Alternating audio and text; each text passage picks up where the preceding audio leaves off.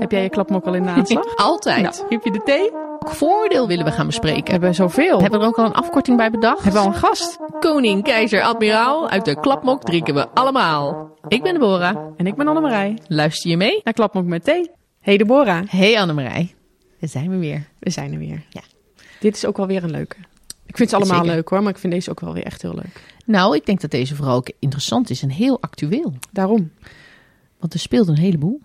Ja, het speelt ook al heel lang. Eh, oh, zeker, zeker. We gaan het natuurlijk hebben over eh, vastgoed. Ja. En de hele de veranderingen die we allemaal eh, mee gaan maken. Ja, gaan we het meemaken?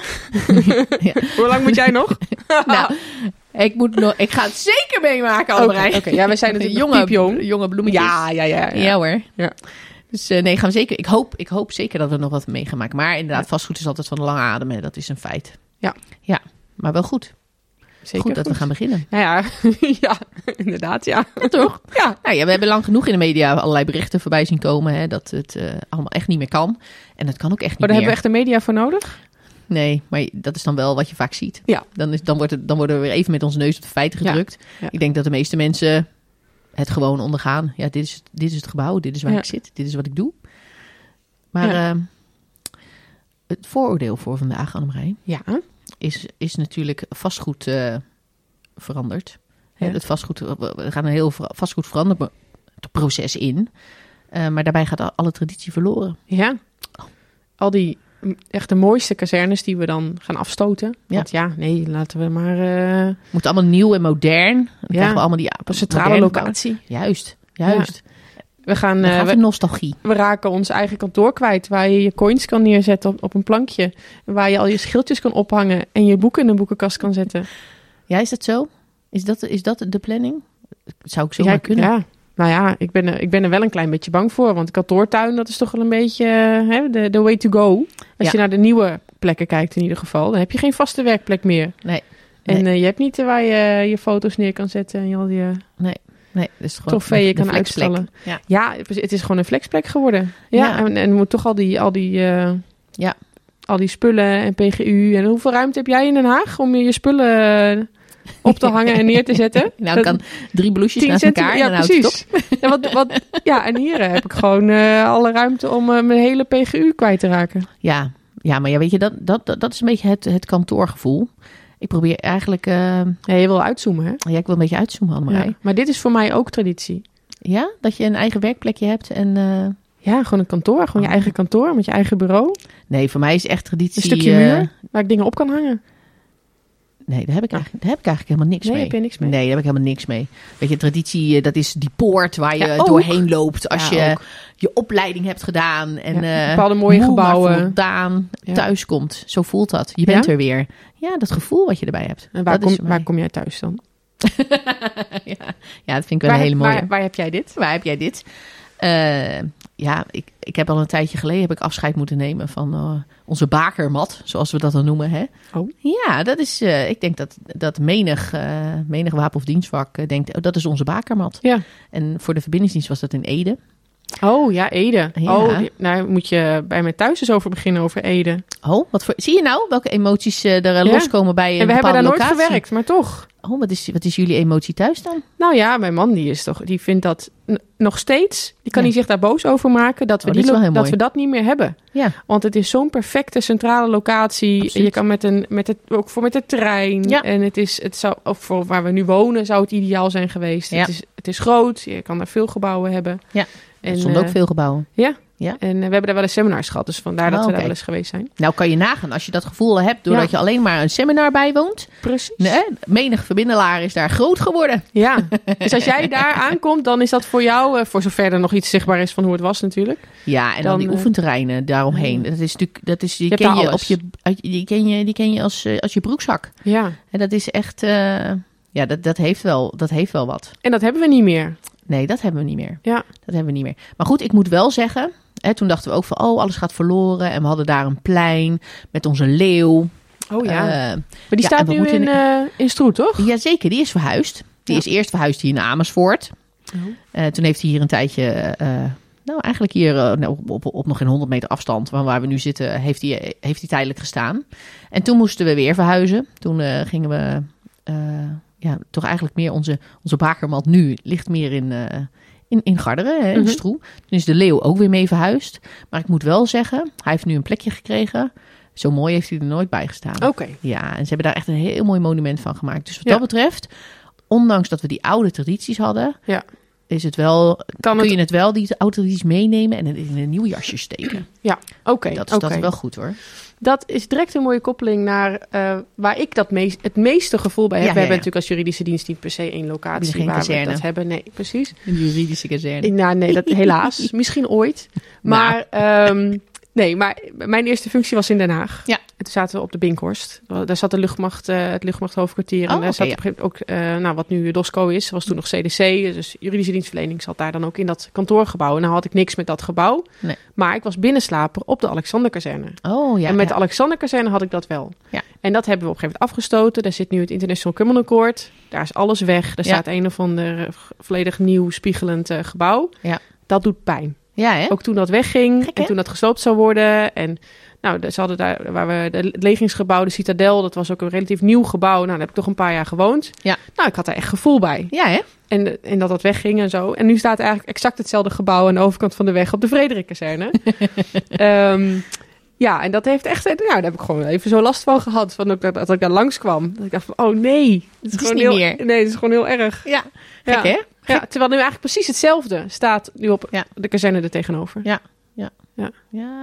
Maar ik, ja, er gaat dus van alles veranderen. Ja, dat is eigenlijk een Dat feit. is de conclusie. En we Ja. zullen een beetje, ja, we zullen de herinneringen moeten bewaren. Laten we er dan daar maar op Laten we dat houden. doen. Hè? Ja. Zo, hebben we toch van vastgoed een soft eh, moment weten te Ja, maken. Dat is kan heel apart. altijd. Ja. ja, we doen het gewoon. Nou, nou, Maar, eh, nee, maar ik denk dat het gesprek dat we hierna, dat we zo meteen gaan luisteren, dat Ja. was zeker niet soft. En dat was Nee. denk ik, wordt heel, ehm, nou, ik denk heel erg duidelijk gemaakt. Waar zijn we mee bezig? hè? Wat, als organisatie, Ja. waar gaan we naartoe? juist. En eh, ik denk dat we daar gewoon naar moeten gaan luisteren. Zeker. Ja, we zitten hier vandaag met de brigade-generaal Art Goedhart. Of Art Vastgoedhart. Kopieer eh, je André Steur maar even lekker. Die had hem verzonnen. Doe dat gewoon. Welkom in onze podcast en deze speciale aflevering over vastgoed. Dankjewel. Ja, leuk om hier eh, te zijn. En leuk dat ik mijn verhaal eh, op deze manier eens eh, kan eh, vertellen. Ja, Dus ik nou, ben benieuwd waar jullie mee gaan komen. Ja, nou, dat, we gaan het eh, nou, de komende nou, half uur, drie kwartier eh, gaan we het allemaal horen. Ja, dat hopen we dan, hè? Dat hopen we.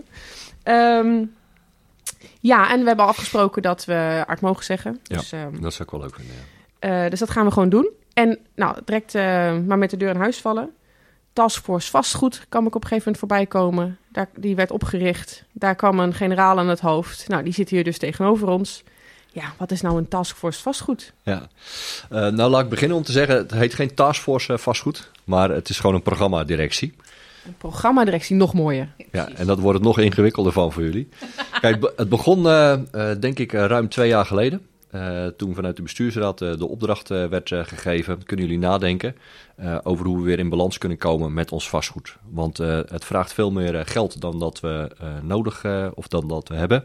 Ehm, en er moet, er moet eens nagedacht worden over hoe je zeg maar de hoeveelheid kunt terugbrengen. Dat we het geld wat we daar nu voor hebben staan, dat dat voldoende is.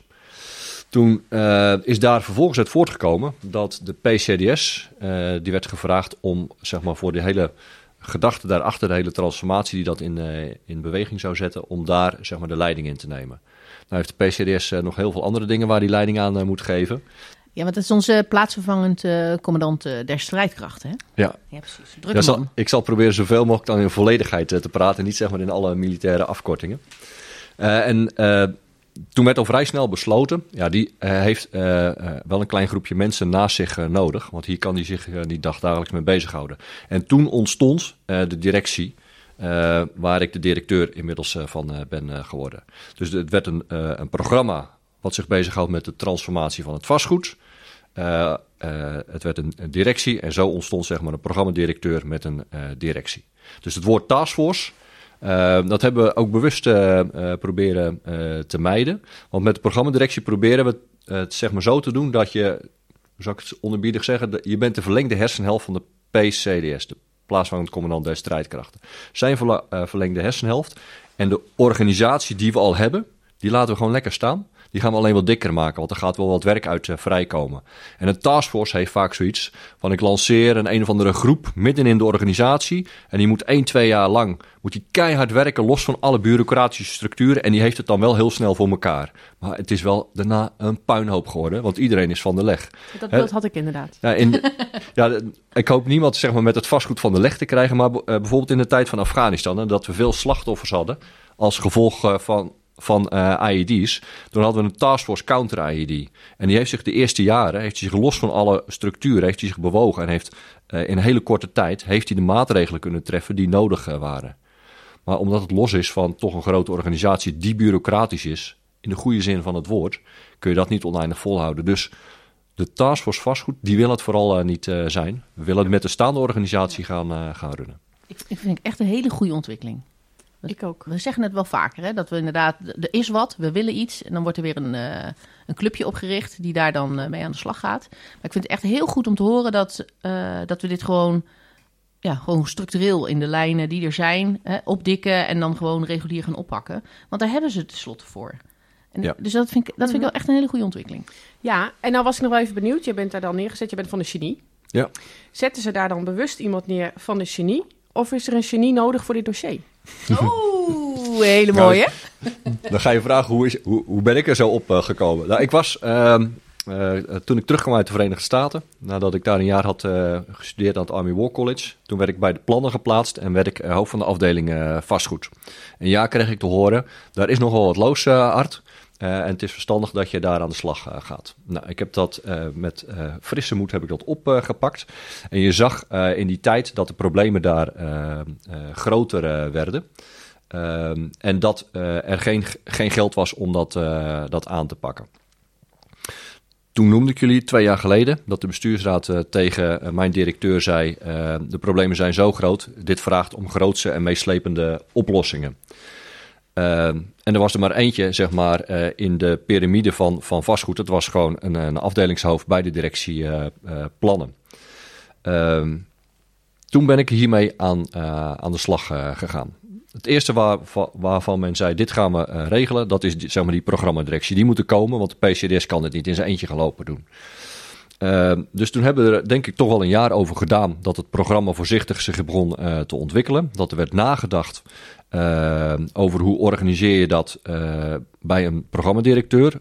Wat moet hij dan kunnen? Toen werd er eh, zeg maar besloten, het wordt een algemene bestuursdienstfunctie. dus daarmee heb je de gelegenheid om in de hele pool algemene bestuursdienst tot en met zeg maar, de burgemeester in het land aan toe, om daarop te solliciteren. Toen kreeg ik, toen dat eh, eenmaal in werking was getreden, kreeg ik ook nog het vriendelijk verzoek, solliciteer je zelf ook nog even mee, vriend.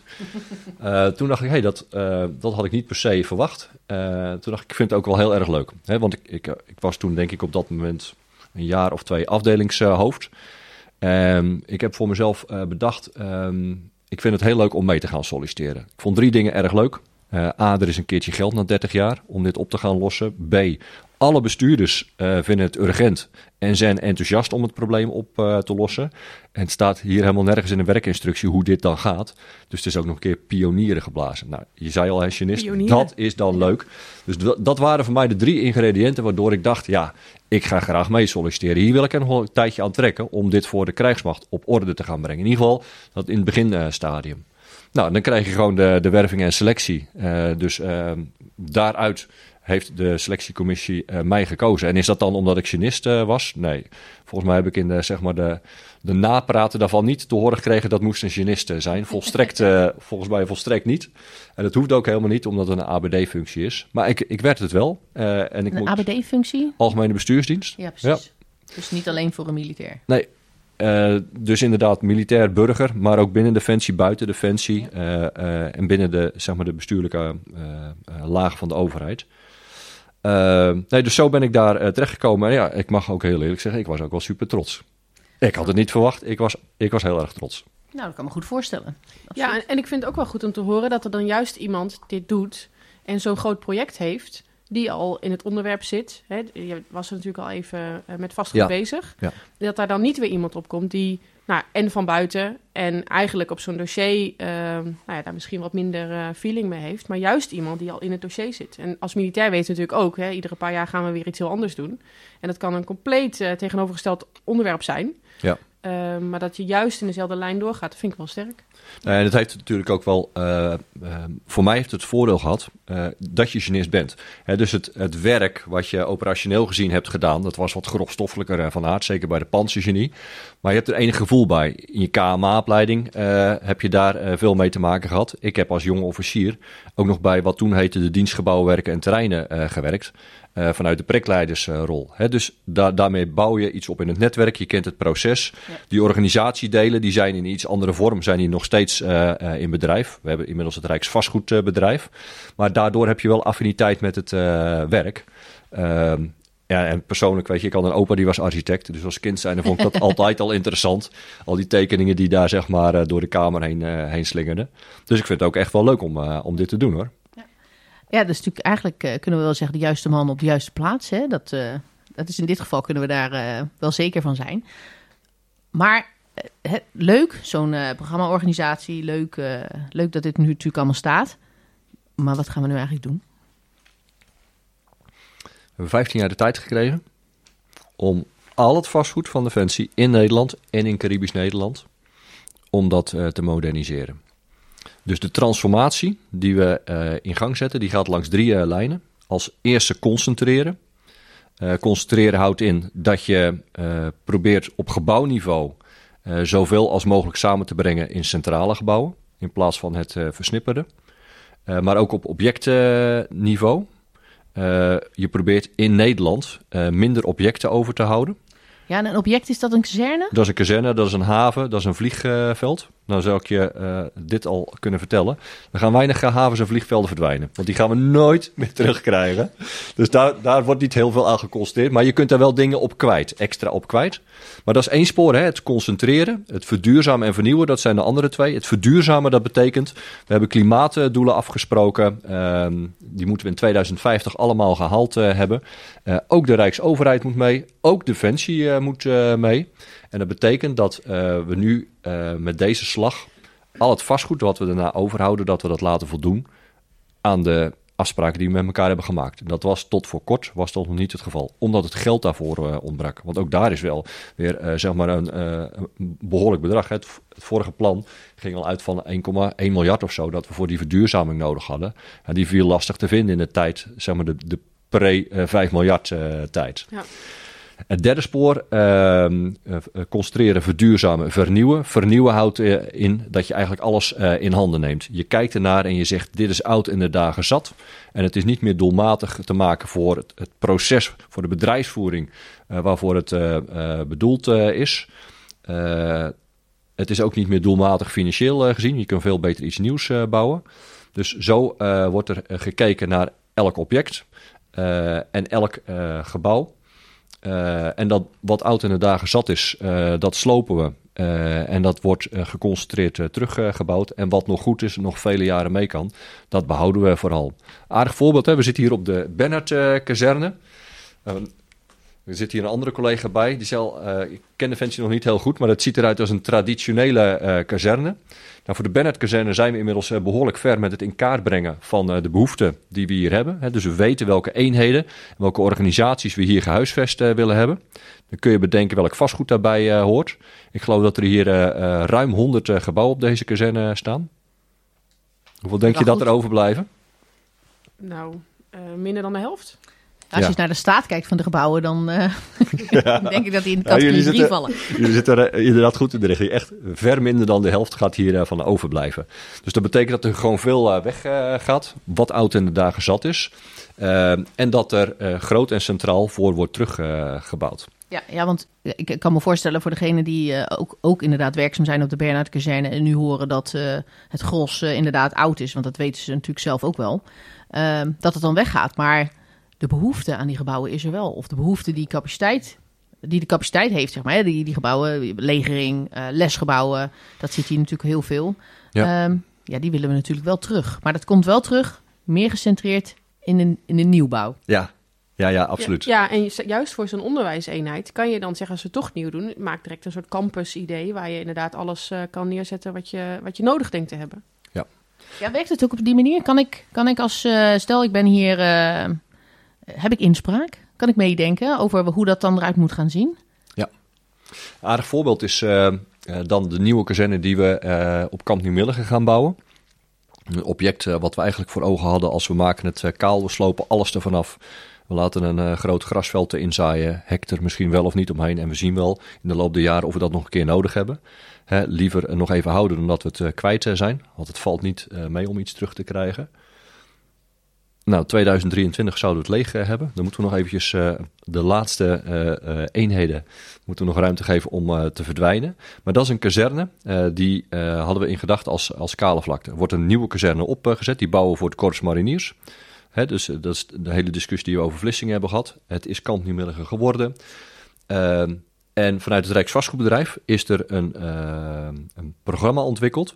waarmee ze de inrichting van de kazerne... eh, nog niet per se zeg maar, het gebouw zelf, maar hoe, hoe situeer je gebouwen? Eh, wat zet je bij elkaar? Ehm, hoe eh, is het, het wegennetwerk? Hoe is de ingangspartij? Hoe is de periferie van de kazerne georganiseerd in? Is dat een hek eromheen en that's it? Of hebben we een, een vorm van samen met de omgeving daaraan kunnen werken? Bijvoorbeeld op parkeren. Nou, zo hebben ze een, een, een programma ontwikkeld met, nou ik zeg het even uit mijn hoofd, maar ik denk wel een stuk of twintig eh, thema's. eh, die ze dan in kaart eh, brengen, waarin ze in gesprek met de gebruiker, hè, dus wat jij aangeeft, Ja. dat jij bent e- een van de mensen die hier zit, met de mariniers hebben ze met de, eh, de eenheden zelf, en niet zeg maar natuurlijk met alle duizend die daar rondlopen, hebben ze dat, zijn ze dat gesprek aangegaan om gewoon eens even te verkennen, wat voelt nou voor jullie aan als jullie kazerne? Eh, en breng dat eens tot uitdrukking als het gaat over het, type en het soorten gebouw. Breng het eens tot uitdrukking en wat verwacht je dan eh, zeg maar, eh, buiten je gebouw aan te treffen aan groen, aan appelplaats. Hoe wil je die kazerne oprijden? Hoe moet dat eruit zien? Moet het juist heel verborgen zijn zodat niemand snapt dat er hier een kazerne zit? Is dat jullie idee? Of wil je nou juist een kazerne waarvan je denkt, jeetje nog wat toe. Wat gaan we hier beleven? Wat, wat gaaf is dat? Dat gesprek, eh, daar is nu een instrument voor ontwikkeld. Eh, en ik moet zeggen, de eerste keer dat ik daarvan hoorde, eh, was ik wild enthousiast. Ik heb dat zeg maar aan mijn collega-directeuren meegedeeld. We hebben het aan de leden van de bestuursraad laten zien. En het enthousiasme sloeg over. En dus hebben we gezegd, ja, laten we dat dan verankeren als zo, zo gaan we dat vanaf heden doen. Dus dat is dan zeg maar zo'n ding, dat wordt ontworpen door, door de architecten binnen het Rijksvastgoedbedrijf. En dan heb je gewoon een mooi instrument mee waarvan ik heb gezegd, ja, die gaan we vanaf nu dus gebruiken als we die hele kazernes onder handen gaan nemen. Dat gesprek wat met de mariniers is aangegaan en wat volgens mij prima bevallen is, dat gaan we nu ook bij die andere kazernes doen. En op die manier neem je je eigen mensen mee in het weer creëren van, van een nieuwe kazerne waar delen verloren zijn gegaan. Dat, dat zou je kunnen beschouwen als eh, soms een, echt wel een verlies wat je, eh, wat je voelt. Uh, maar tegelijkertijd kun je nu die kazerne uh, gaan bouwen. Waar we met z'n allen wel een grote glimlach voor op ons gezicht uh, krijgen. Overigens, hè, ik ga heel ideaal praten. Want het is, ik vind het fantastisch om dit te kunnen doen. Maar het moment waarop dat er is. Dan zijn we ook alweer een paar functies verder. Hè? Laten we dat niet vergeten, want het staat er niet morgen. We bouwen, dat duurt lang. Korps Mariniers hè, krijgt die nieuwe kazerne. 2029 is het jaar waarin ze gaan verhuizen. Ja. 2029, dat is nog zes jaar hier vandaan. Hè? Ja. En dat bouwen, dat duurt zeg maar niet super lang. Nou ja, dat is allemaal relatief. Maar een jaar of drie, uh, vier heb je wel zo'n nieuwe kazerne staan. Maar het zijn met name alle procedures uh, eromheen om het in de omgeving uh, ingericht te krijgen. Het vergunningentraject, dus de inspraak van het bestuur eromheen, het ontwerpproces, daar gaan jaren overheen. Dus vergis je niet, ik denk twee jaar geleden hadden we de behoeftestelling uh, met stoom en kokend water hadden we die uh, gereed onder de vorige staatssecretaris. Uh, twee jaar geleden, in 2029, gaan ze verhuizen. Daarom zeg ik, er gaan wel een paar functies nog overheen. Ja, want ik wilde net ook al aanhaken met dat op, op klein niveau, eh, binnen bijvoorbeeld zo'n staf zoals ik hier zit, in, ook in Amersfoort, revi revitalisatie van de Bennett-kazerne, word ik ook meegenomen in hoe vind je dan, hoe zou dan je kantoor eruit moeten zien en wat voor soort werkplek heb je dan nodig. En, en dat gaat op, op detailniveau, want ik wil graag een kluis. Dus ik moet daar al in aangeven dat ik een kluis wil. Ja. Uh, of ik heb een zitje nodig om een podcast te maken. Uh, nee, dat, nee, om besprekingen te doen. Um, maar Toen ik tien jaar geleden bij 43 werkte in Havelte, toen ging het al volgens mij ook al voor de zoveelste keer over het nieuwe uh, gebouw van het uh, brigade hoofdkwartier. Ja. Um, net zoals alle brigadestaven natuurlijk. Um, uh, daar wordt al heel lang beloofd ja. dat daar een nieuw gebouw komt. Want die zitten allemaal in hele oude gebouwen waar het binnen net zo hard waait als buiten. maar dan hebben we het dus ook over zo'n hele lange periode. dat we toen al nou ja, tot op de inhoud, tot op waar gaan we zitten, mochten meepraten met hoe moet dat er dan uitzien. Ja, daar, is ook nog steeds niks. Ja, ja. Hey, dat kenmerkt denk ik ook het vastgoeddossier. Dat is tergend langzaam. Ja. En dat is, uh, nou ja, dan moet ik echt vaak op mijn handen gaan zitten. Uh, want uh, ik ben vanuit mijn operationele praktijk ook niet gewend om dat dingen tergend langzaam gaan. En als je het te langzaam vindt gaan, dan heb je eigenlijk zelf al alles in handen om het sneller te laten gaan. Ja, dat werkt in dit domein niet. Nee, dus wat dat betreft is het altijd een beetje. Ik, ik, ik, ik zit in de IT.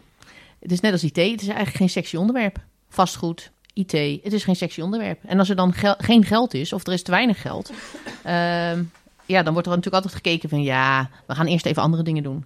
We gaan uh, groot materieel kopen, want dat is belangrijk. En dat is ook allemaal belangrijk. Uh, maar ik denk wel dat we nu wel het momentum hebben. Uh, dat ook, ook vastgoed, maar ook naar de IT kijkende. Uh, nu is er geld voor om, om dat goed op te pakken. En dat vind ik wel, uh, dat vind ik wel heel fijn. Hè? Want al die plannen van die, van die hoofdkwartieren van die brigades, dat, die zijn al heel oud. Maar iedere keer is daar het gevecht. Is er genoeg geld? Is er voldoende geld? Kunnen we dit nu wel oppakken en niet? Uh, en ik denk dat we nu eigenlijk sinds een aantal jaar de wind gewoon wel mee hebben voor vastgoed. Ja. Dat we hier ook daadwerkelijk iets mee kunnen gaan doen, ja. denk ik. Ja, dat vind ik wel aardig. Ik, ik zal zo wat over dat geld uh, zeggen. Uh, Havelte nog even een brigade hoofdkwartieren. Daar maak je hem ook alweer enthousiast over. Want het is een oude brigade natuurlijk. Uh, voor de brigade hoofdkwartieren hebben we in de tijd dat we nog zeg maar voor de 5 miljard zaten... hebben we ook een afspraak gemaakt. Dus brigade hoofdkwartieren, daar is een plan voor ontwikkeld. Er is een akkoord inmiddels voor het brigade hoofdkwartier in, in Oorschot, dus voor de 13e brigade. Dus daar is de behoeftestelling, die heeft een vervolg gekregen. Ehm, want ik weet ook hoe ze een oorschot erbij zitten, zeg maar in die kleine oude truttige gebouwtjes. Mag ik die worden gebruiken hier? Ja hoor, van ons wel. maar dat, dat geldt inderdaad ook voor, voor Schaarsberg en Haafte. Dan moet je weten dat... Um, in ons plan zitten Schaarsberg en Havelte als nieuwe gerevitaliseerde kazernes zitten voorin zeg maar in de planvorming. Want het is groots meeslepend, ga je dus het langst ook over doen. Zeker Schaarsbergen, want daar hebben we eigenlijk een andere plek in gedachten en niet op de huidige locatie. Uh, dus daar moet je even bedenken dat de idealen die we hadden in de tijd dat we mondjesmaat wat geld hadden. Uh, en een brigade hoofdkwartier daar neerzetten. Dan moet je, even, moet je wel weten waar ga je nou zetten. Nou, Schaarsbergen, uh, als je nog zit te dubben tussen wordt locatie 1 of 2. Ja, dan moet je eigenlijk even weten welke wordt het dan. Want anders zet je hem op de verkeerde plek neer, dat gebouw. Havelte wordt makkelijker. Hè? Havelte hebben we nu zeg maar in het gesprek uh, over het wel of niet sluiten van de kazerne in, in Assen. Hebben we nu een overeenkomst met de regio gesloten. Er is een Kamerbrief over geschreven. En in het commissiedebat 23 februari met de Kamer gaan we er ook over doorpraten als er nog behoefte aan is. En daarvan is gezegd, we gaan in Assen gaan we een, uh, een kazerne overhouden, die maken we iets uh, kleiner. En Havelte uh, houden we ook de kazerne. Dat is voor ons zeg maar de grootste plek. En daar kunnen we nu mee aan de slag. Dus we hebben even gewacht met de behoeftestelling om die perfect te krijgen. Want welke eenheden gaan er precies dan wel of niet blijven? En met die wetenschap hebben we nu eigenlijk gewoon een punt gezet. En weet je dus, ik kan nu mijn behoeftestelling voor de revitalisering van Havelte, die kan ik nu uh, uh, af gaan maken. Dus dat is er eentje die staat nu echt op de lopende band en gaat voorwaarts. In die discussie zit dan dus ook weer dat brigade hoofdkwartier in Havelte. Gaan we dat nou, is dat zeg maar morgen echt nodig? Dus moet ik daar een afzonderlijk project uh, van maken? Weet ik dan ook precies waar ik hem moet gaan zetten? Zijn we dan al zover in, dat, in zeg maar het situeren van de gebouwen op die nieuwe locatie? Of neem ik hem mee in de grote moot waarin we de hele kazerne onder handen gaan nemen. Nou, dat laatste, daar neigt het in Haafden nu in ieder geval naar. Dus die gaat, die gaat meelopen in de revitalisering van de kazerne. Dus dat even over brigade hoofdkwartier als een functie. Uh, Assen had er bijvoorbeeld mee te maken uh, dat ze, uh, even kijken, niet de keukens, maar oh, het gezondheidscentrum. Oud in de dagen zat, voldoet niet meer aan wet en regels. En dan zit je in de tijd dat je dacht, ja, gaat As nou wel of niet blijven? Moet ik daar dan nu wel of niet dat gezondheidscentrum neerzetten? Maar ja, die jongens, die hebben dat nu nodig. Dus daarvan zie je dan, het besluit is, ja, we gaan wel het gezondheidscentrum neerzetten. En misschien uh, gaat dat zeg maar einde levensduur meemaken over 50 jaar. Misschien hebben we er maar uh, 10, 15 jaar profijt van uh, gehad. Nou ja, in de huidige discussie komt dat dan mooi uit. Dus daar hadden we besloten, ja, hij gaat er komen. En ja, we houden die kazerne aan, dus die, die staat dan, dan goed. Mm -hmm. Dat is een discussie die hebben we voortdurend. Met die afzonderlijke projecten die nog lopen. Ja, ja ik vind, wat ik wel even interessant vind, is wie besluit er nu eigenlijk of een kazerne blijft of niet? Is dat, is dat, is dat de politiek? Is dat Defensie? Of, of, of zijn jullie dat? Of bepaalt de gemeente dat? Of is het een samenwerking met, met allemaal, afhankelijk van de behoeftes? Want dat, je hoort natuurlijk heel vaak, hè, en soms is het dat, dat je op, de, op het nieuws ziet dat bewoners eigenlijk kazerne weg willen, want dat is overlast of whatever. Ja, of en dan, ja, of juist andersom. precies. Dus hoe werkt dat? Hoe, wer hoe bepalen we nu dat een kazerne blijft of gaat? Ja, nou, dat is ook een leuke vraag. Daar houden we die vraag van uh, het geld houden we nog heel eventjes uh, vast, hè? ja, heerlijk. We kunnen zo alle kanten opschieten. Ja, precies. Uh, de, de, uh, de transformatie gaat langs lijnen concentreren, verduurzamen, vernieuwen. Concentreren betekent dus ook dat we nadenken over het, het aanhouden van minder kazernes. Waarom? Niet omdat die eenheden niet meer nodig zijn en die zullen altijd hun gebouwen nodig hebben. Maar het exploiteren van een kazerne kost geld. Er zit een beveiligingsorganisatie uh, op. Er zit een restaurantorganisatie op. Je hebt je, uh, je sportfaciliteiten. Je hebt je, je afvalstromen. Bewaking had ik die al genoemd. dus een kazerne exploiteren kost geld. een kazerne minder exploiteren kost aanmerkelijk minder geld. Daar zit dus een van de verdienmodellen in. in het concentreren. Want je hebt wel een hoop geld aan de voorkant nodig om zeg maar al die investeringen uh, te plegen. En de kazerne wegdoen alleen, dat levert ons niks op. Dus niet zo dat wij de kazerne, dat we de grond verkopen en dat het geld voor defensie is. Uh, dat, dat, dat is zo, maar we rekenen ons in dat opzicht uh, niet, niet rijk. Dus ja, een kazerne levert in de regel geld op kost soms ook wel geld. Hè? Want als we een kazerne als uh, uh, zeg maar een zootje achterlaten, uh, dan zal een potentiële koper die zal niet heel blij worden. En zeker als er dan bijvoorbeeld vuil in de grond zit, dan ja, zal hij het wel fijn vinden dat wij het eruit halen. En dan ja. zul je daar je kosten aan, aan moeten maken. Ja. Maar wat we dus hebben gedaan, vanuit de, de staf hebben we nagedacht over uh, op welke plekken zou je dan geconcentreerd willen zitten? Nou, we hebben afgesproken, het regeerakkoord zegt het overigens, hè? Uh, Defensie ga je uh, je regionaal concentreren, maar neem vooral de regio daarin mee in die gesprekken daarover. Dus er is een vorm van concentratie bedacht door, door de staf. En daar hebben we uitgerekend dat als we zo concentreren en zeg maar de, de, de lucht, de ruimte die er zit in, in alle gebouwen die we nooit hebben weggesloopt, uh, maar wel een krijgsmacht hebben overgehouden die twee keer zo klein uh, is. Uh, dat levert je aan de hand van een rekenmodel op dat je weet of je weer financieel in balans gaat komen. Wat gebeurt er dan? dat, dat inzicht dat eindigt bij de bewindspersoon. Die kijkt ernaar, die beoordeelt dat en die zegt van zichzelf: voor deze delen, daarvan geloof ik dat, ik, dat het zinvol is. En ik hecht hier mijn bestuurlijke voornemen aan. dus de bestuurder die, die zegt: Het is mijn voornemen om hiermee aan de slag te gaan. Zo, zo uitte die bijvoorbeeld in de contourenbrief al: Het is mijn voornemen om de kazerne in Assen te sluiten. Het is mijn voornemen. Want wat ik nu ga doen, ik ga in gesprek met de regio. Dus ik ga in gesprek met de provincie en met de gemeente of de gemeentes, als er meerdere bij betrokken zijn. En ook op rijksniveau, als we denken dat daar uh, ook bijvoorbeeld rijksbelangen mee uh, gemoeid zijn. Dat gesprek, waarin ieders belang aan uh, de orde komt, waarin ieders belang wordt uitgediscussieerd, leidt tot een gezamenlijk voornemen.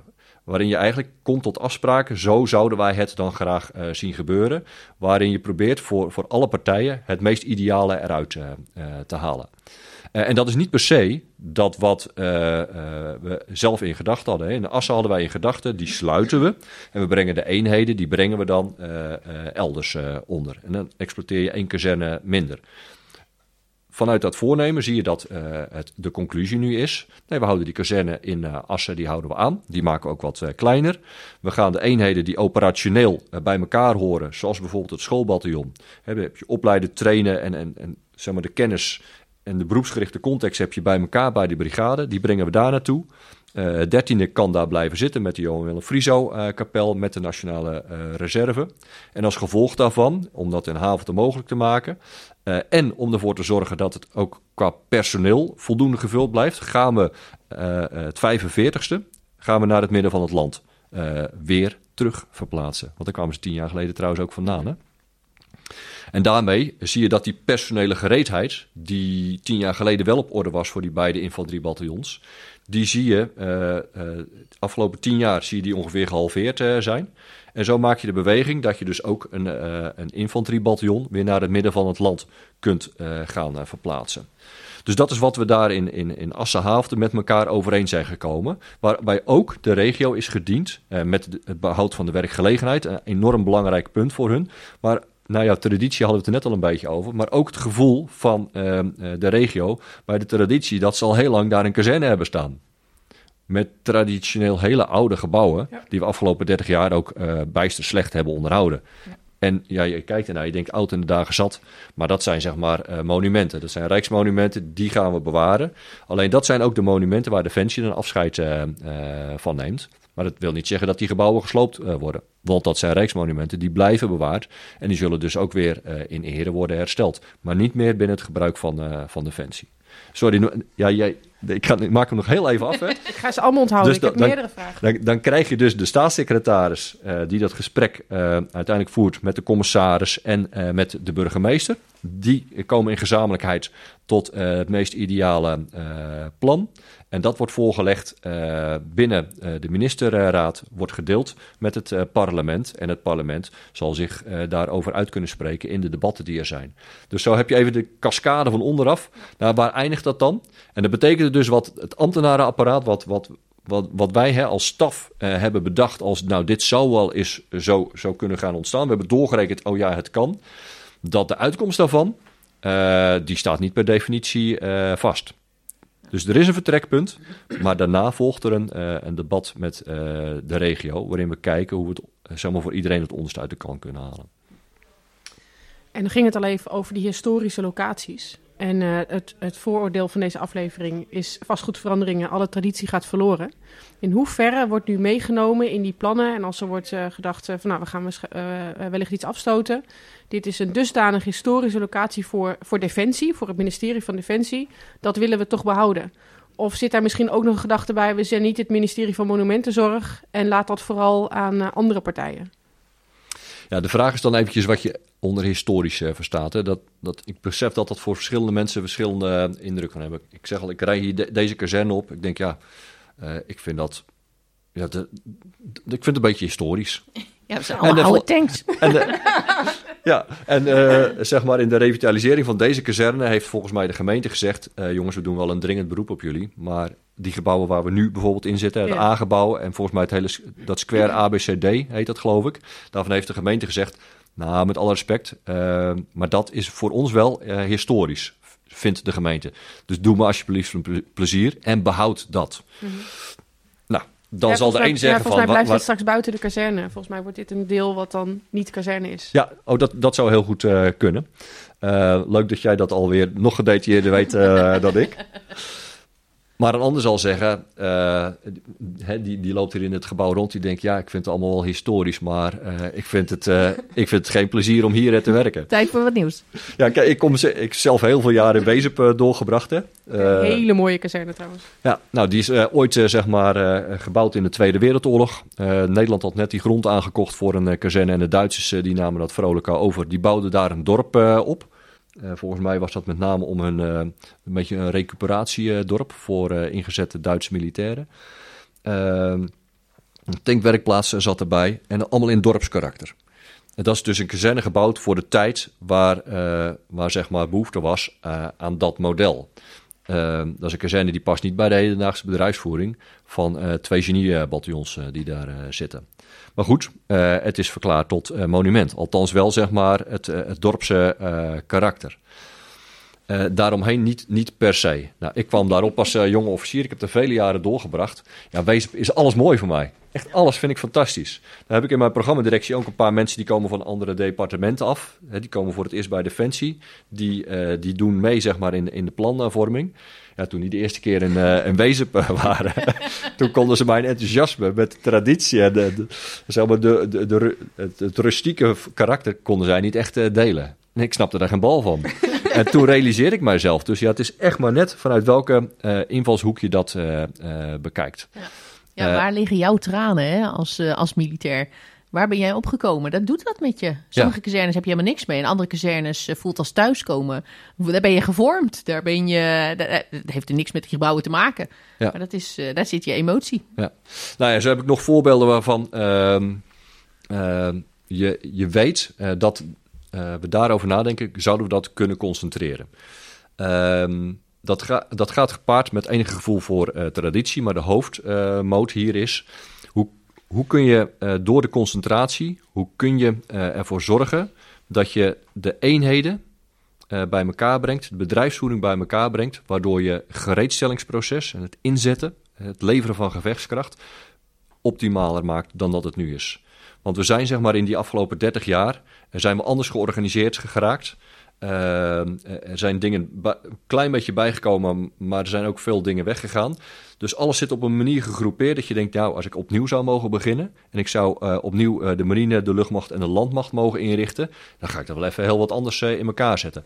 Die slag die zijn we nu aan het maken, want we gaan er nu groot zijn mee slepen doorheen. Er is geld voor ter beschikking gekomen, we hebben 30 jaar lang niet meegemaakt.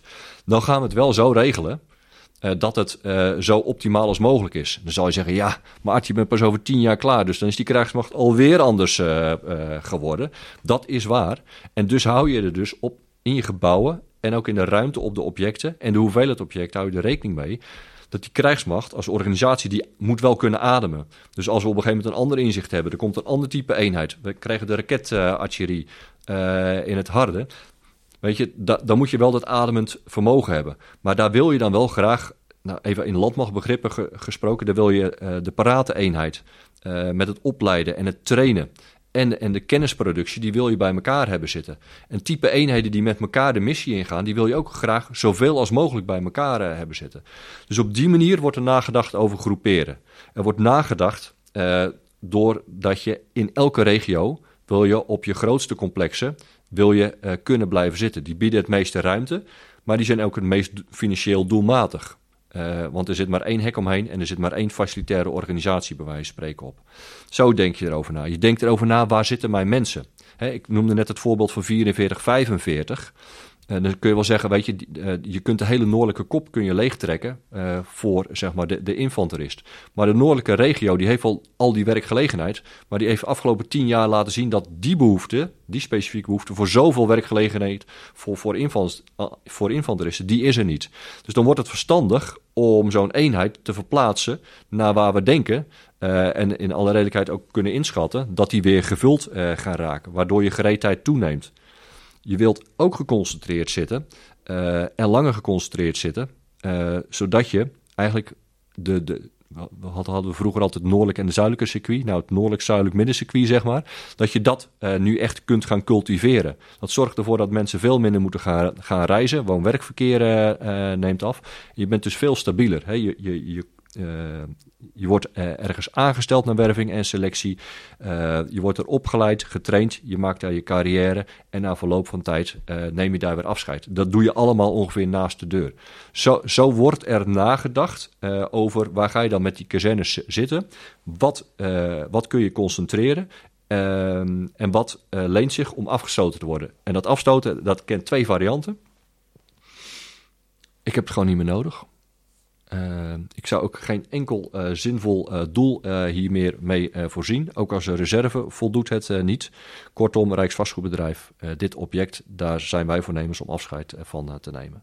De andere optie is, Kamp Nieuwmillig, ik haalde het net aan, dat we zeggen, ja, nu hebben we dat vooral niet nodig. Maar weten wij veel wat er over vijf of tien jaar in de wereld gebeurd is. En één ding zien we nu wel, Nederland is zo vol aan het worden, niks past meer. Dus Defensie is ook wel spaarzaam. En je ziet dus in ons strategisch vastgoedplan, wat we voor de kerst naar de Kamer hebben gestuurd, dat wij uh, een, een, voorraad aan objecten in de bewapening houden, waar we de 2% krijgsmacht, 2% van het uh, bruto binnenlands product, die omvang op kwijt kunnen. We zijn dat een enorm end genaderd hè, met de 5 miljard. Uh, en er zijn twee jaren waarin we daar zeg maar op, op landen.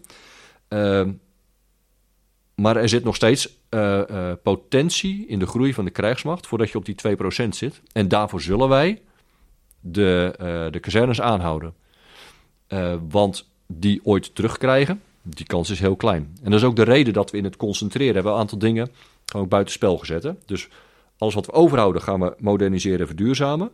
Maar nadenken over wat kun je concentreren, daarvan hebben we een aantal dingen gezegd. Daar ga ik niet eens over nadenken. Ik ga niet nadenken over de haven. Daar valt uh, niks aan te concentreren. Ik ga ook niet nadenken over nog niet één vliegveld. Dat ik daar een concentratie zou toepassen.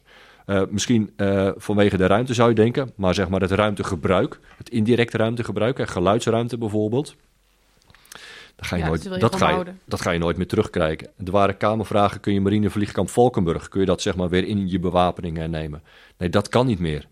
Dat is echt voorbij. Dat is tien jaar geleden, is dat echt definitief, is dat verdwenen. Dat gaat je dus niet meer uh, lukken. Ja, dus dan ben je al je flexibiliteit kwijt als je daar uh, afscheid van neemt. Alles weg. En die, dat zijn dingen die krijg je uh, niet meer terug.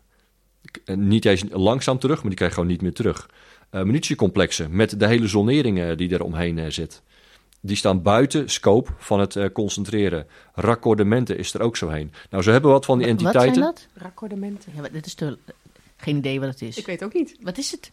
Wat zijn dat? Raccordementen, waar, waar zeg maar eh, de Nederlandse spoorwegen zeg maar een, een eindspoor hebben, wat zich eh, breed uh, vertakt.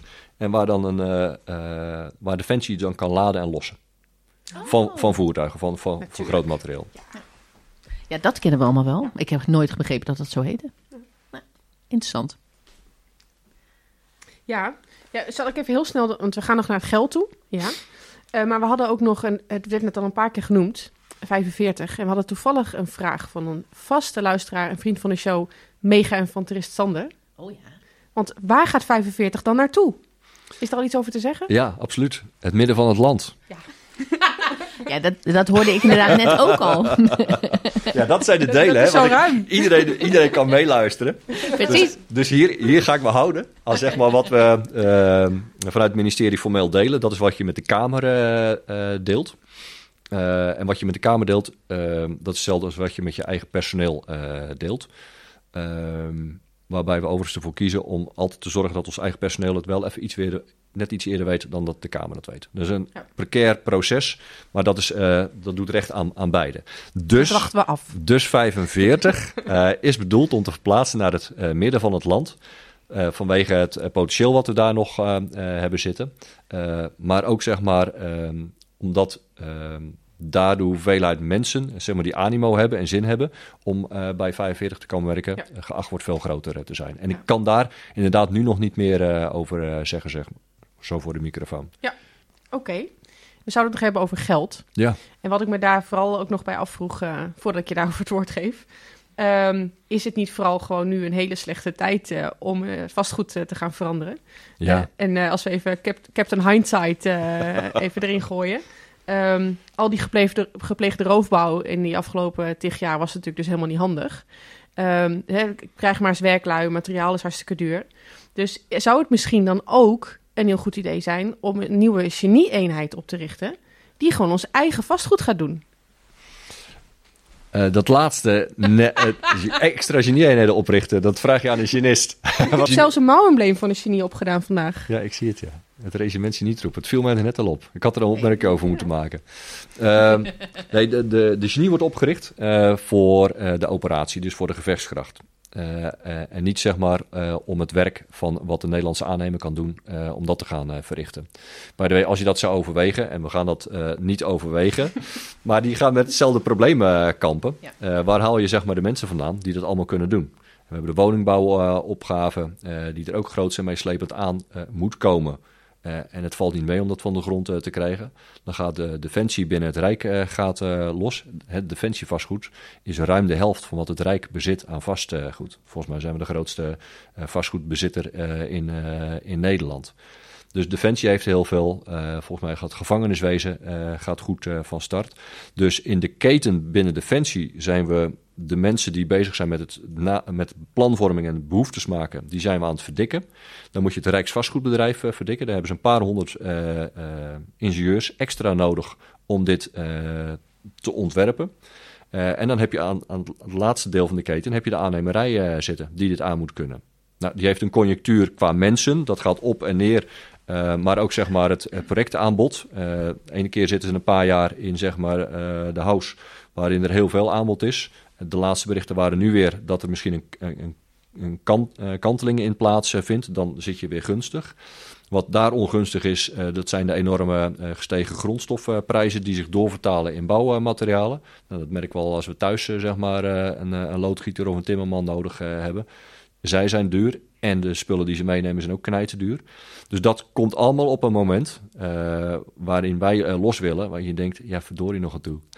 er zitten nog wel een paar grote beren uh, op, op de weg. Ja. Dus dat is, dat is absoluut waar. Hebben we mee te maken. Ehm, maar ja, je, je, hebt het ook niet in de handen dat er uh, 5 miljard bij komt voor, voor Defensie. En daardoor is dus wel de, de, gelegenheid ontstaan dat we een plan konden maken, financieel doorgerekend over een periode van 30 jaar. 30 jaar omdat we dan in 2050 zitten en de klimaatdoelen gehaald moeten hebben. dus een plan doorgerekend op 30 jaar, waarin we investeringen en het onderhoud, de exploitatiekosten op een grote hoop hebben gegooid. Alle ingrediënten erin gestopt. Wat heb je nu? Wat heb je zo meteen over? En hoeveel minder kost dat dan? En hebben we een sluitend plan dan gekregen. En het was volgens mij de HDF, de hoofddirecteur Finance and Control, Art en zijn afkoos. die op een gegeven moment opmerkte: hey, dit programma dat is omvangrijker dan zeg maar het hele programma onderzeeboten en vervanging van de F-16 door de F-35 bij elkaar. Dus het is, het is een het is een enorm groot uh, uh, ding. Uh, maar we hebben er ook. De, financieel hebben we daar zeg maar de 30 jaar voor uitgetrokken om die totale kosten van het eigenaarschap, hè, dus investeren en exploitatie bij elkaar, om die door te rekenen. Maar de, de ingreep zelf, hè, de, de kazernes onder handen nemen, ja, daar hebben we 15 jaar voor gekregen. Dus daar staat een enorme druk op om dat ja. voor elkaar te boksen in deze tijd. Ja, en ik, ik zei het in het begin al, hè, uh, dus vergis je niet. Uh, de echte grote meeslepende inspanningen, die ga je uh, echt komende jaren niet, niet tegenkomen. En dat betekent dus, daar waar we, kennen allemaal wel de verhalen hè, uh, van wat we dan rustiek eh, vinden. Het is heel rustiek in uh, Assen als je daaruit zeg maar het monumentale pand met de stopverf gevulde ruitjes ziet vallen. Dat is super rustiek, maar het is niet lachen als je daar zeg maar als je Jean Muur achter het raampje zit. En we lachen erom. En ik heb ook die voorbeelden van, van Schaarsberg op de Oranje Kazerne. En bij de marine hebben we ook nog een paar van die grappige voorbeelden. Het is allemaal heel erg rustiek. Uh, maar die, uh, die mensen die daarachter uh, zitten en die op dat moment in een functie zitten met zo'n nou, toch wel rottige werkplek, ja, die moeten echt nog tijd op een, op een houtje bijten. En dat betekent wel dat het, het onderhoudsgeld is inmiddels meer dan verdubbeld. Om het een klein beetje in, in de klauwen te houden. maar die toestand hebben we nog wel een tijdje mee te maken. Neem niet weg dat alles wat onveilig is en wat onwettig is, daar gaat wel het geld naartoe. Ja. Daar gaat zelfs het merendeel van het geld naartoe. Ja, er zijn natuurlijk veel van die brandveiligheidsissues in, in oude gebouwen en zo. Ja. Dus als, dan hebben we het daarover, toch? Ja, dus je, je ziet eigenlijk het programma brandveiligheid. Uh, je ziet het programma keukens. Je ziet het programma legering. Dat zijn van die, die programma's waar echt ook uh, honderden miljoenen omgaan. Maar die zijn in het leven geroepen om zeg maar als een soort uh, witte tornado door de hele voorraad aan gebouwen heen te gaan. Om die ergste nood te ledigen. Uh, dus dan pak je niet een gebouw of je pakt niet een kazerne. Nee, dan pak je een bepaalde functie uh, op. Waarvan je zegt, ja jongens, uh, dit is nu, te heftig. We gaan dat gewoon groots en meeslepend oppakken. Zijn er druppeltjes op een gloeiende plaat? Nou, dat zijn, het zijn behoorlijke druppels op een gloeiende plaat. Maar je bent lang niet daar waar zeg maar, je mijn gezicht elke keer ziet schitteren. Als ik over die nieuwe kazernes nadenk. Mm -hmm. ja. Ik, Kijk, de, de Kromhoutkazerne, je kan ervan vinden wat je wilt. Maar dat is een kazerne waar je uh, modern, eigen tijds uh, en in goed vastgoed uh, kunt werken. De kazerne die ervoor stond, ik heb hem zelf nog eens één of twee keer gezien. Daar hebben we een heel klein beetje van overgehouden. Hè? Volgens mij de brug met, met de zoveel gaten. Ja, precies. En we hebben de tamboershut en zeg maar die, die groepsschuilplaats ja. op het midden. Dat is overgebleven. De rest is allemaal verdwenen. En je ziet nog aan de andere kant van het hek, zie je bij eh, de universiteit, zie je wat van die oude gebouwen staan. Ja. Die zijn niet meer van ons. Maar eigenlijk is daar alle, alle, alle, alle rustiekheid is verdwenen, Is alle traditie is eh, weg. Wat echt super traditioneel is, die drie dingetjes staan er nog. En daar heb je gewoon een mode- moderne kazerne voor eh, gehad. En, en ik zeg al, je, die vind je dan wel of niet eh, mooi. Maar daar is het wel een stukje aangenamer werken dan al die grappige voorbeelden die we allemaal wel kennen. Maar zitten we dan over 15 jaar allemaal in een kantoortuin met een, met een norm van eh, 70% of minder? Eh 70% als zijnde eh, 0,7. Mensen- Ja, mensen die op het werk mogen zijn op een dag. Ja. Ehm, dat laatste, ehm, dat is op dit moment onderwerp van eh, gesprek. Hè, wat is de normering die erbij hoort? Het is voor mij een belangrijk gesprek, want om eh, de opgave, om, eh, we hebben vier opgaves, hè, maar de, de laatste is financiële balans. Om die te bereiken heb ik twee hele grote draaiknoppen. Dat is gewoon minder objecten, minder, minder eh, objecten, minder kazernes eh, eh, exploiteren. En de andere draaiknop is alles aan vastgoed wat we nooit hebben weggedaan, maar waar we eigenlijk ook gewoon geen recht meer op hadden gezien de normering, om die er ook uit te draaien. Dat gecombineerd met eigentijdse normen zorgt ervoor dat we financieel in balans raken. Maar dat is een hele grote draaiknop voor mij. En daar waar we nu eh, met eh, de bestuurders een afspraak hebben gemaakt over de voorraad waarvan wij denken, daar kunnen we de 2% krijgsmacht op kwijt. eh, zijn we nog in het proces waarin we een klap willen geven op eigentijdse normen. Dus we hebben op dit moment beleid en normen als het gaat over kantoren, als het gaat over legering. Er wo- wordt op dit moment hard eh, gestudeerd door eh, het DGB in nauwe samenwerking met eh, de CDS hè, voor, voor de operationele behoeften die we hebben. Om te kijken naar wat, wat is die behoefte precies? Hoeveel gaat dat kosten als we dat wel of niet zouden doen? Geven daar een klap op. En dan heeft een behoeftesteller eh, heeft ook weer een, een norm waar hij mee aan de slag kan. Dus over 15 jaar zit daar de 0,7% norm op. Ik heb geen idee. Sowieso al niet, omdat ik zeker weet dat er over vijf jaar eh, of over tien jaar hebben we daar opnieuw weer naar gekeken. Ja. En dat wat we nu verzinnen, en eh, als het aan mij ligt, eh, nog voor de zomer een, een klap op geven. Vanaf het moment dat we die theorie in praktijk hebben gebracht, want het is allemaal een denkbeeldige exercitie. Op het moment dat je dus de gebouwen hebt gerealiseerd en de mensen werken erin, dan kun je echt meten, werkt dat nou? En als dat dan werkt, kun je het zo laten. En als het niet zo werkt, dan kun je weer nadenken over de verandering. En die gaat tussen nu en 15 jaar, die gaat zeker plaatsvinden. En om toch even terug te komen op, de, op, op het nieuwe, nie- nieuwe Kromhoutkazerne hè, in Utrecht. Dat is een kazerne die is eigenlijk niet van ons. Althans, die gebouwen zijn niet van ons. Die zijn door een... eh, hè, dat is eigenlijk gewoon een, eh, een civiel... Ja, Ja. Is het een bedrijf? Is het een eh, consortium? Hoe, moeten we, hoe moet ik het noemen? Dat? Eh, maar we huren eh, eigenlijk een soort van de gebouwen. Is dat een concept wat we straks verder terug gaan zien? Of zien we... Of, of is het een mogelijkheid eh, die je misschien ergens tegenkomt? Of hoe gaan we Ja. daarin mee om? Ja, dat kan. Dat is een van de opties. Ehm, overigens is het bij de Kromhoutkazerne zo dat de grond waar die op staat, daar, eh, als je dan naar het kadaster loopt en je kijkt wie staat daar, dan staat daar het ministerie van Defensie. Dus wij zijn naar de baas over de grond. De opstallen en de exploitatie daarvan, die hebben we vij- 25 jaar. Ja, zoiets. Volgens mij 25 jaar hebben die aan het consortium eh, eh, gegeven. Ja. Daar, hebben, daar betalen we elk jaar een, eh, een vergoeding eh, voor. En dan na die jaren, dan vervalt alles aan Defensie. Eh, dus volgens mij is het nu zo dat het huidige financiële plan dat we hebben, dat gaat over 15, eh, dat loopt over 15 jaar. Volgens mij zijn de laatste jaren in die reeks, is zeg maar dat geld wat we nu aan het consortium betalen, is eruit aan het vallen. Dus dat einde is voorzichtig in zicht aan het komen. En dan is alles weer van Defensie. Ehm, je hebt met zo'n zo'n complex heb je het voordeel dat je eisen stelt aan de conditie van de gebouwen en van het terrein. Eh, en daar hebben ze een bedrag voor gerekend. En mensen houden zich in alle redelijkheid aan het contract. Dus dat gaat goed. Dan heb je eh, tot eh, het einde heb je daar een goede en fatsoenlijk onderhouden kazerne die recht doet aan, met alle respect, waar we met elkaar goed in kunnen werken, wat recht doet aan de mensen. Ehm, daarna krijg je de periode, is Defensie er zelf eh, weer van.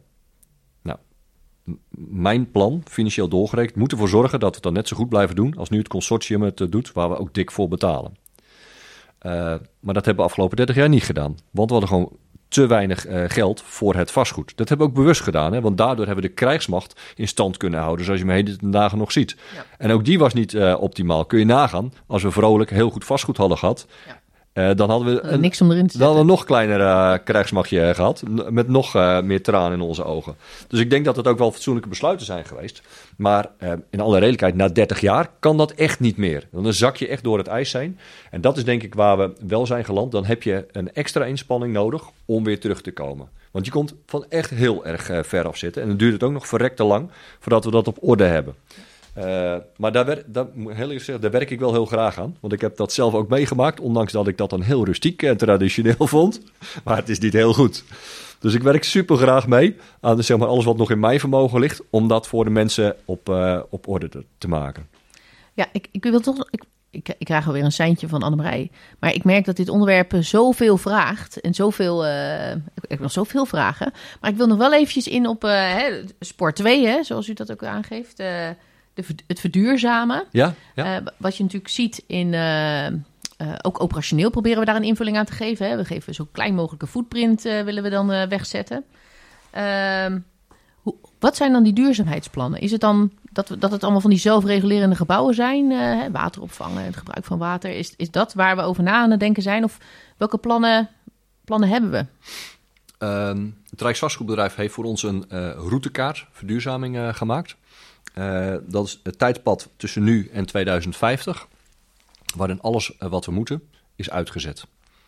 Ehm, en die routekaart eh, die, maakt deel uit van ons plan. En alles wat moet, wat de, wet ons voorschrijft dat moet, dat gaan we doen.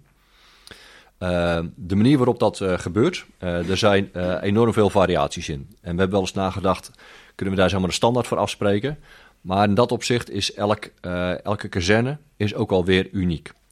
Ehm, bijvoorbeeld als het gaat over energieopwekking. Weet je, waar je bij de een eh, met eh, eh, geothermie uit de voeten kunt, de andere kan met waterstof wat, de volgende vindt een windmolen handig of een groot zonnepanelenveld. Dus er zijn veel variaties voor. Dat wat je op gebouwniveau doet, dat wordt onder andere ook wel voorgeschreven door eh, het bouwbesluit. Want daar zie je de wet vertaald worden in meer eh, precisie. Dus nu zitten we op bijna energie-neutrale gebouwen. Dat gaat gewoon naar, eh, BENG heet dat, die gaat naar ENG toe. Energie-neutrale gebouwen. Daar gaan, op gebouwniveau zullen we zoveel mogelijk naar standaarden toe werken.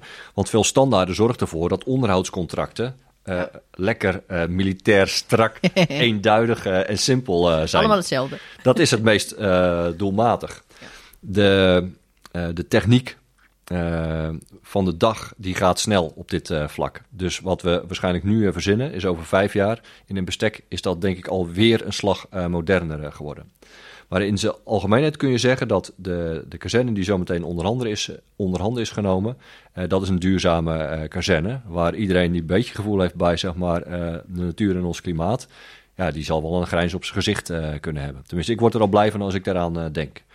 Het andere wat ik eh, daar belangrijk vind om eh, te zeggen, is eh, dat ik ook een, een operationeel doel zie. Hè, dus we hebben een tijden achter de rug dat we ons niet zo heel erg druk maakten over worden wij in het achterland nog geraakt door, door iemand. Nou, in de hele huidendaagse constellatie gaat daar weer zeg maar, wat meer over na worden gedacht. Dus op energetisch vlak vind ik dus een, een goed streven om te zeggen, er zijn een aantal complexen. Eh, dat is niet alleen zeg maar, gewoon vastgoed waar je nu even je dingetje doet en in tijden van crisis en dan gaan we verplaatsen en dingen doen. Nee, dat is, eh, dat is zeg maar oorlogsvastgoed. Eh, en als we verder teruggaan in de tijd, eh, delen was oorlogsvastgoed. De Prinses Margriet kazerne was oorlogsvastgoed. De haven in IJmuiden voor, eh, eh, voor onderzeeboten was oorlogsvastgoed. Voor mij is dus de Nieuwe Haven, dat is oorlogsvastgoed. Daar vandaan vecht onze eh, marine. De, de vliegvelden die we hebben, dat is oorlogsvastgoed. Want er zijn crisis te voor te stellen dat we daar vandaan vechten. Wel vanuit een achterland, maar daar vandaan wordt eh, gevochten. Eh, hetzelfde voor een hoofdkwartier of een reservehoofdkwartier en de locatie daarvan. Eh, een brandstoffenbedrijf, dat soort zaken. Daarvan vind ik het een gezond principe dat als je over verduurzaming nadenkt en het zeg maar zelfvoorzienend zijn, dat het echt zelfvoorzienend is. Dus dat we in de nieuwe haven naar een energiesysteem gaan, waarin de nieuwe haven niet meer afhankelijk is eh, van zeg maar het, het, het energienetwerk vanuit de omgeving, maar dat ze zelf zoveel produceren dat het altijd goed gaat. En by the way, als ze dan ook nog zoveel massa kunnen leveren dat ze bij wijze van spreken het dorp eh, mee kunnen nemen, dan doet het dorp eh, mee. En dat geldt evenzo voor een vliegveld, om het op die manier op te zetten. Dus heel, dat woord heb ik ook net geleerd. Autarkisch heet dat. oh ja, dat is ook Ofwel, die autarkisch. Ik vind het wel mooi klinken. Maar die zijn dus echt uh, zelfvoorzienend. en zo kun je dus nadenken of je hele complexe of bepaalde elementen op dat complex uh, altijd zelf uh, wilt kunnen voorzien. Dat als er iemand gaat zitten draaien uh, aan het energienetwerk, dat wij geen probleem hebben. Ja. Ja. Ja, ja, dus een hele, hele goede verduurzaming, maar dus eigenlijk ook gewoon operationeel belang zit erachter. Voor dat deel, ja. Voor dat deel. Ja, ja daar, daar wil ik het nuttig en het aangename ja. echt met elkaar ja. verenigen. Ja, wat goed. Ja. ja. Ja, laatste vraag, denk ik. Nee, nu al. Ja, nee, we zitten Het is zo leuk om weer over te praten. Lang aan het praten. Ja, ja, ik ben in ieder geval wel door mijn lijstje heen. Ik had nog heel veel wel aanvullende dingen kunnen vragen. Maar wat ik echt wilde vragen, dat, uh, dat heb ik gedaan. Uh, Deborah, wil jij, uh, wil jij een laatste vraag? Of geven we Art gewoon de kans om nog toe te voegen wat hij nog wil doen? Nou, ik, ik denk dat laatste. Zijn er nog dingen in dit gesprek waar we het niet over gehad hebben, maar toch nog even benoemd moeten worden? Um, nee, belangrijk wat ik hierin wil laten doorklinken is begrip bij de transformatie van het vastgoed. Dat we alles uh, in, uh, in handen gaan uh, nemen. Dat we concentreren. En dat gaat gepaard met een stukje traditie en mensen die altijd het gevoel hebben van, hmm, jammer. maar dat wat er voor terugkomt, dat wat er voor terugkomt, is verduurzaamd en vernieuwd. En dat er voor terugkomt, ik denk dat we daar uh, ontzettend blij mee mogen zijn. Dat gaat niet uh, uh, razendsnel, zoals we dat met z'n allen het liefste zouden willen doen. Um, nu krijg ik iets onder mijn neus geduwd. Vergeet dit waardoor, ook niet. Waardoor ik merk dat ik afgeleid word. Ik ga, ik ga er zo naar kijken. nee, daar wachten we helemaal in blijven. Maar uh, dat, dat de mensen uh, nu mogen weten dat we met iets aan de slag zijn gegaan. Uh, en ik loop ook al een tijdje mee en ik kom ook van de werkvloer af waarvan ik denk, jeetje, dit is echt uh, uniek in deze tijd. Er is gewoon geld om dit te gaan realiseren. er zit een team op. We hebben bestuurders die allemaal bevlogen zijn, die urgentie kennen en die hier leiding aan, aan willen geven. Dus hier gaan gewoon dingen ontstaan. En het is aan ons om dat zo snel als mogelijk te doen. Maar hier hebben we een dossier te pakken, daar zit beweging in. En daar zit een groot gedeelte nu nog voor in het, het Haagse in de planvorming. Maar het gesprek met ons eigen personeel, daar waar we zeg maar, de vrijheid kunnen gaan geven over, nou, dit, hè, dit is wat we echt van plan zijn, kunnen jullie meedenken? die slagen die worden ook gemaakt. Hè, dus bijvoorbeeld de, Centrale Medezeggenschapscommissie, de CMC, die zit bij mij ook in de programmaraad vertegenwoordigd. Zodat ze vanaf het begin af aan uh, kunnen mee uh, luisteren, kunnen meedenken over hoe uh, gaan we dit ook met onze eigen mensen doen. Ja. Dan ga ik even kijken wat hier staat. Oh ja. ja, dat is ook een hele goede, want niet alleen mensen van Defensie die zouden dit kunnen horen. Het, tweede, element daarin is, in alles wat Defensie vrolijk binnen de staf verzint, uh, zijn we er echt op gespitst. En ik denk ook dat het wel een trendbreuk is. Want dit hebben we gewoon heel lang niet gedaan. En niet bij Defensie en ook niet vanuit het RVB met Defensie. Is dat je het doet met de mensen in de omgeving. en dat, dat, dat geldt in zekere mate voor gewoon een kazerne die je moderniseert. Maar dat geldt zeker daar waar je nadenkt over ik ga ergens bijkomen, ik ga ergens nieuw komen of ik ga ergens weg. Want die emoties kunnen heel verschillend zijn. De ene vindt het een feest en de ander uh, die vindt dat geen uh, feest. Dus al die, al die belangen, uh, daarvan zie je nu dat er echt een kentering heeft plaatsgevonden. ook zeker gedreven door onze staatssecretaris. Waarin we heel bewust het contact met de regio opzoeken. in een vroegtijdig stadium zaken gaan, gaan delen. Uh, en proberen zo tot een ideaal te komen. En vooral dat vroegtijdig stadium, hè, dat zorgt ervoor dat er ook vroegtijdig onrust kan ontstaan. Kijk bijvoorbeeld naar uh, de, de, de, acht boeren uh, families in, in Flevo, Flevoland. Hè, de brug bij Nijkerk hebben we genoemd. Nou, dat gesprek dat gaan we aan. Dat doe je in een zo vroeg mogelijk stadium. En dat betekent een langere periode van onrust. De andere kant is, hè, die hebben we ook geprobeerd in Vlissingen. En we doen het als we het weten als we een besluit hebben genomen, mm. zo gaan we het uh, doen. Dan hebben we er heel lang zelf in een klein uh, ruimtetje op zitten broeden. En ineens, daar dit, komt hij. En that's it. En toen heeft de Kamer tegen ons gezegd, huh, was dat nou de slimste manier om het te doen? Heb je hier iets van geleerd? Uh, nou, met, uh, met de vervolgacties uh, en bijvoorbeeld de, manier waarop met Kamp Nieuwmillig zijn omgegaan, uh, zag je al die beweging ontstaan dat mensen, men vond, ja, dit, dit gaat beter. Dus het is nu bewust zo, niet oneindig lang gaan zitten broeden op je plan en dan als een, een donderslag bij helder hemel komen met, jongens, dit, dit is het geworden. maar in een vroegtijdig stadium. Beide hebben eh, eh, voordelen en nadelen. In het geval, eh, zeg maar, zo snel als mogelijk mensen informeren, heeft het nadeel van eh, onrust, maar heeft een groot voordeel dat je aan het begin wordt meegenomen. Want je Ja. kunt dan ook nog gewoon meedoen en, eh, en meedenken. Ja, past ook helemaal binnen het open overheid principe. Wat nu eh, natuurlijk nieuwe wet en zo. En, ja, juridisch blokje. Ja. Heel kort. Ja, het is even een juridisch momentje. Dat is Ja. helemaal niet dat geen moet af en probleem. toe even. Oh, heerlijk. Ja. Oké, nou Arte, dan wil ik je bij deze heel hartelijk bedanken voor het eh, gesprek dat we met je hebben gehad. Alle informatie die we hebben, alle vragen die we konden stellen. Ehm, echt geweldig dat je hier bij ons was in deze aflevering. En eh, ik zou zeggen, het komt vast goed. Ja, ja bedankt weer. Tot ziens hoor. Nou, dat was Art. Jazeker. Ik vond het eh, duidelijk. Dat vond ik zeker. En eh, ik had makkelijk nog een uur kunnen kletsen, denk ik. Nou, absoluut. Hè. Het was dat jij op een gegeven moment zei van, nou, nu is het wel even genoeg geweest. Hè. We Ja. moeten gaan afronden. En ik dacht, maar we hebben dit nog helemaal niet besproken. En we moeten hier nog heen. Ja, had, Dus- had makkelijk gekund. Ja. Maar ik dacht wel, ja, we moeten onze luisteraars ook eventjes eh, in bescherming nemen. Ik zag ons heel hard richting het uur gaan. Ja. we moeten ergens toch een keer stoppen. En dan maken we wel een keer een deel 2. Ja, precies. Als er dus nog heel veel vragen zijn of heel veel open eindjes waarvan jullie denken, oh, maar dat hebben jullie helemaal niet eens geraakt. Of eh, hoe zit het daarmee? Laat het weten. Laat het weten. Dan gaan we daar alsnog, want we hebben 15 jaar. Exact. Ja. Voordat al die gebouwen er staan. Dus, we hebben nog wel even. We hebben zeker nog wel even. Ja, ja. Ja, wil je het nog hebben over eh Zeewolde? Al eh, in het, in, je bedoelt de regio midden. Ja, is, maar ja, ja, is dat regio midden? Zeewolde valt onder regio midden. Ja, ja, ja, ja. Oh. Ja, ja, ja dit is Flevoland is Noord, behalve Zeewolde. Dat valt bij midden. Ah. Ja, dat is in het kader van de schoolvakanties. Altijd Oké. handig om te weten. Ja, maar wat vind jij ervan? Ja, mocht het zo, zo zijn dat er een kazerne gaat komen in, eh, in, in Zeewolde. Want dat is natuurlijk nog helemaal niet eh, zeker. Hè? Dat zijn alleen maar gesprekken dat, die daar ja. allemaal over gaan. Ehm, ja, dat is met fietsje naar het werk, hè, zeg ik. Dat is wel lekker. Dat is wel lekker. Nou, lopend. eh, kijk, ik Nee. zal even uitleggen hoe het werkt. Zeewolde is een dorpje. Dat is niet zo heel erg groot. Daar kun je alles lopend doen. Lopend doen. Hè. Er zijn mensen die Mhm. daar wonen die zich dan druk maken dat ze niet bij de dokter eh, aangesloten zitten die 100 meter verderop zit, maar dat ze naar de andere kant van het dorp moeten. Mhm. Nou, kan je vertellen, dat is niet zo ver hoor. Dus dat is natuurlijk een beetje het dorpsperspectief hè, Ja. wat je hebt. Ja. Maar Zeewolde zelf, dat is, eh, dat is ruim een kwart van heel Flevoland. En dat is best wel groot. Dus nee, ik kan niet vanuit mijn huis.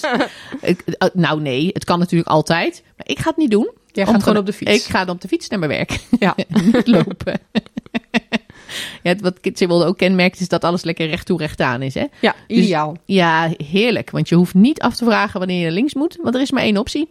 Ja. Dus wat dat betreft uh, zou wel handig zijn. je werk. Ja, Ja, ja, ja zeker, zeker. Ja. zeker. maar jij kijkt er dus wel naar uit als het zover zou zijn. Eh, ja, wat mij betreft eh, wel. Ja. En maar, ja, maar ik- denk dat het sowieso een hele goede centrale locatie is. Ja. Het zit ook dicht bij de snelweg. Dus wat dat betreft ben je er ook zo. Ja. Ehm, ja, ik denk het. En ik denk dat het goed is voor de werkgelegenheid eh, in de omgeving. Maar Mhm. ik denk, ook, ik denk ook oprecht dat het goed is dat we daar een kazerne hebben. Want het is natuurlijk, eh, als je regionaal gaat denken, is het gewoon heel goed. om- Vanuit verschillende kanten ook. ja, vanuit verschillende kanten om aan te, aan te Ja. reizen. Ja. Ja. Ja. en er zit natuurlijk in die hele omgeving zitten er wel meer kazernes.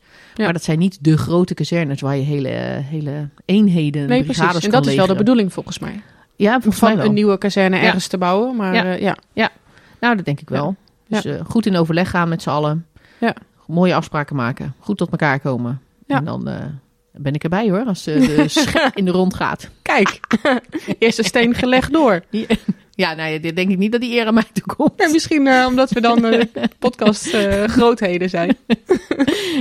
Ja, nee, dat zou kunnen. je weet het niet, je weet het niet. Nee, precies. Dit is iets te. Oké, oké. Nee, hartstikke goed. Nou ja, en ik vond het ook wel grappig. eh, ja, het moment dat we dit opnemen is net afgelopen week ook ehm, staatssecretaris op bezoek geweest in Havelte. Ja, ja. En eh, omdat we het net hadden we natuurlijk over het meenemen van de omgeving. Nou, Ja, Zeewolde is daar een voorbeeld van. Maar dat is natuurlijk nu in Havelte ook gebeurd met de Ja. plannen die uiteindelijk ook Assen, Havelte, Ja. het noorden eigenlijk. eh, Ja. Zoals het er nu voor staat, is daar eigenlijk een hele grote presentatie. Celas was daarbij, de staatssecretaris was daar zelf bij. En Ja. volgens mij ook allemaal civiele bestuurders. Ja, ja Ehm, hij is daar. Dat heeft natuurlijk ook met die. eh, we hebben natuurlijk een podcast opgenomen hè, met de staatssecretaris. En daar was hij toen ook al heel duidelijk in. Hè, dat hij dat met iedereen wil doen. Dus met eh, met de civiele partijen, met gemeentes, eh, dat, hij echt, eh, dat hij echt die samenwerking opzoekt. Eh, en dit is echt wel een goed voorbeeld waarin je dat heel duidelijk, Ja, dat het echt gebeurde. laat zien. Ja, Ja. vond ik leuk. Ja, ik ook. Dus nou, ik denk dat we wel de komende tijd meer van dat soort sessies gaan meemaken als er besluiten worden genomen. Jazeker. Interessant. Ja, en ik ben ook wel heel benieuwd. Ja, wat ik net al aangaf in het gesprek. Mhm. Hè, we hebben het al best wel lang over dit onderwerp. Ook als je op een locatie zit eh, waar op een gegeven moment nieuwbouw voor moet komen. Ja. En dan word je iedere keer word je weer meegenomen in... eh, Oké, weet je, wat zijn je eisen? Hoe moet het eruit zien voor Ja, je- precies. waar je werkt? wat wil jij? Ja. En, eh, en ik heb nog nooit meegemaakt dat er iets nieuws dat, Dat het ook komt. Dus ik ben er ook vooral wel benieuwd naar eh, hoe het er straks uit gaat zien. Nou, heb ik Ja, natuurlijk, we hebben samen op de Comhout-kazerne gewerkt. Dus ik vond het wel goed dat je daar nog even op inging, die constructie ook. Ja. Want wij hebben dat natuurlijk ook allebei aan de lijf ondervonden. Ja. Hoe dat dan werkt. Eh, want als er iets veranderd moest worden in het gebouw... veel, dan, dan ging dat eigenlijk via ons... waren wij het contactpersoon ook met Comfort, met die organisatie. Ja. Ja, en dat, daadwerkelijk ieder bureau dat op een, nou, een paar centimeter van zijn oorspronkelijke plek moet worden neergezet... Ja. eh, moet je een heel proces door. Ja, en geld neerleggen. Want dat kost geld. Ja, ja. Ja. ja. dat was mijn eerste besef dat ik dacht, oké, zo werken bedrijven. Ja, Ik ben natuurlijk overal eigenlijk hangt gewoon militair prijskaartje eh, vanaf begin tot het einde eh, tot nu toe geweest. Ja. Maar eh, alles hangt een prijs. Het is net een trouwerij. Voor elk schoteltje wat je gebruikt betaal je een duppie. En zo gaat dat. Ja, maar dat Ja. is dus ook eh, als je dit dus eh, uitbesteedt aan een consortium. Precies. Ja, dat, dat, dat is wel gebleken. Ja, Ja, ja, maar zo werkt dat ook. Kijk, het heeft natuurlijk zijn voordelen. Absoluut, En het is hè? allemaal goed voor elkaar. Ja, het is geregeld. Het gaat, ik hoef de, je hoeft er ook niet heel lang op te wachten. Mhm. Het is, eh, Ja. wat dat betreft, prima. Ja. Nou, we gaan zien. We gaan zien wat de toekomst brengt. We gaan zien of ik op het fietsje naar het werk kan. Ja. En eh, nou ja, dan gaat het We wachten goed het af. We wachten het af. Ja, en we hebben natuurlijk weer een ingezonden vraag gebruikt, deze aflevering. Jazeker. Dus ook voor onze andere luisteraars. Niet Ja. alleen onze vaste luisteraar, Sander de Mega-infanterist. Exact. Als je een vraag hebt, als je een bepaald onderwerp heel interessant vindt... waar je meer over wil weten, Laat het benader ons ons. Ja, Juist. klap ook met thee.mindef.nl. Ja. Volg ons op Instagram, stuur ons daar een berichtje, wat je wil. En, eh, en eh, we gaan er wat mee doen in een aflevering. Hartstikke goed.